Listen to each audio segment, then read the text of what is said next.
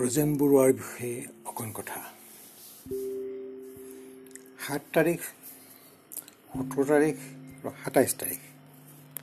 এই তিনিওটা তাৰিখ ব্ৰজেন বৰুৱাই খুব ভাল পাইছিলে।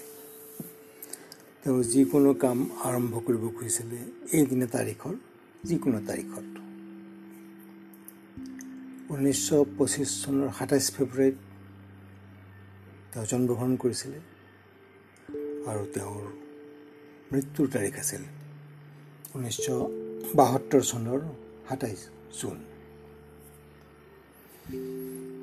আমি যেতিয়া ব্ৰজেন বৰুৱাৰ মৃত্যুৰ খবৰটি পাওঁ তেতিয়া এনেদৰে পাইছিলোঁ। উপজা আসনৰ মাটি চিনেমাখনৰ শ্বুটিং কৰি আছিলে। শ্বুটিং শেষ হ'ল। যিদিনা শ্বুটিং শেষ হ'ল ৰাতি শুবলৈ গ'ল ৰাতি অসুস্থ হ'ল। তেতিয়া তেওঁক হস্পিটেলত ভৰ্তি কৰোৱা হ'ল।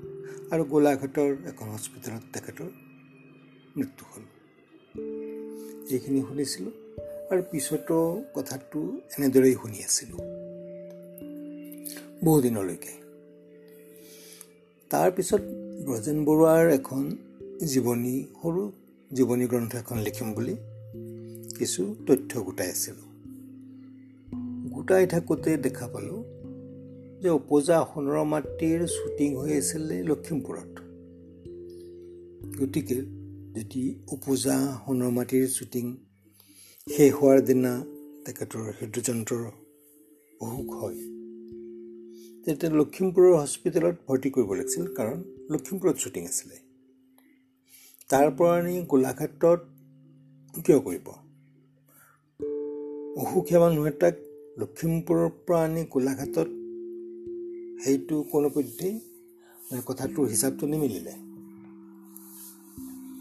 তাৰপিছত আব্দুল মালিকৰ এটা প্ৰবন্ধত পালোঁ উপজা সোণৰ মাটি ছবিৰ এটি গীত শ্বুটিং কৰিছিলে গোলাঘাটত আৰু তেতিয়া আব্দুল মালিকে ব্ৰজেন বৰুৱাক লগ পাইছিল। তাৰমানে উপজা সোণৰ মাটিৰ ছবিখনৰ সম্পূৰ্ণ শ্বুটিং লখিমপুৰত হোৱা নাছিলে এটা গান বাহিৰ হৈছিলে।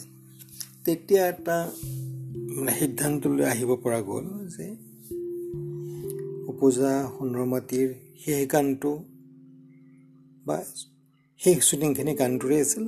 গানটো শেষ হ'ল দৃশ্যগান শেষ হ'ল সিদিনা ৰাতি ব্ৰজেন বৰুৱা ঢুকাল। এইখিনি এটা সম্ভাৱনালৈকে আহিলে। দুটা তথ্য মিলোৱাৰ পিছত পালোঁ। তাৰপিছত যেতিয়া গানৰ আৰু অলপ কথা বতৰা শুনা যায় বেলেগ বেলেগ তথ্য পালোঁ নহয়। গানটো শেষ হোৱাৰ পিছততো ব্ৰজেন বৰুৱা কেইদিনমান আছিলে। গতিকে আকৌ তথ্য বিচৰা হ'ল। এইবাৰ বিচাৰোঁতে গম পালোঁ।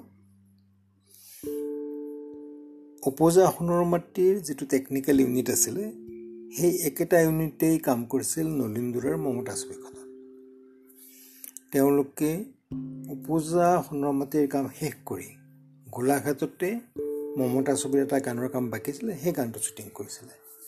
তাৰ আগত মমতাৰ বাকী কাম হৈ গৈছিলে কেৱল গানটো আছিলে। উপজা সোণৰ মাটিৰ কাম শেষ হ'ল ইউনিটটো মমতালৈ গুচি গ'ল বাকী অভিনেতা অভিনেত্ৰীসকল গুচি গ'ল ব্ৰজেন বৰুৱা তাত থাকিল আৰু নলিন দুৱৰাৰ মমতা ছবিৰ গীতটিত অংশগ্ৰহণ কৰিলে।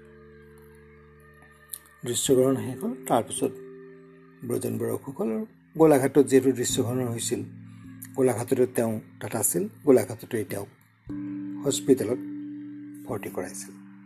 গতিকে ইমান দিনে যিটো শুনি আছিলোঁ যে পূজা সোণৰ মাটিৰ দৃশ্যগ্ৰহণৰ শেষৰ দিনা তেখেতৰ মৃত্যু হয় এই কথাটো ভুল।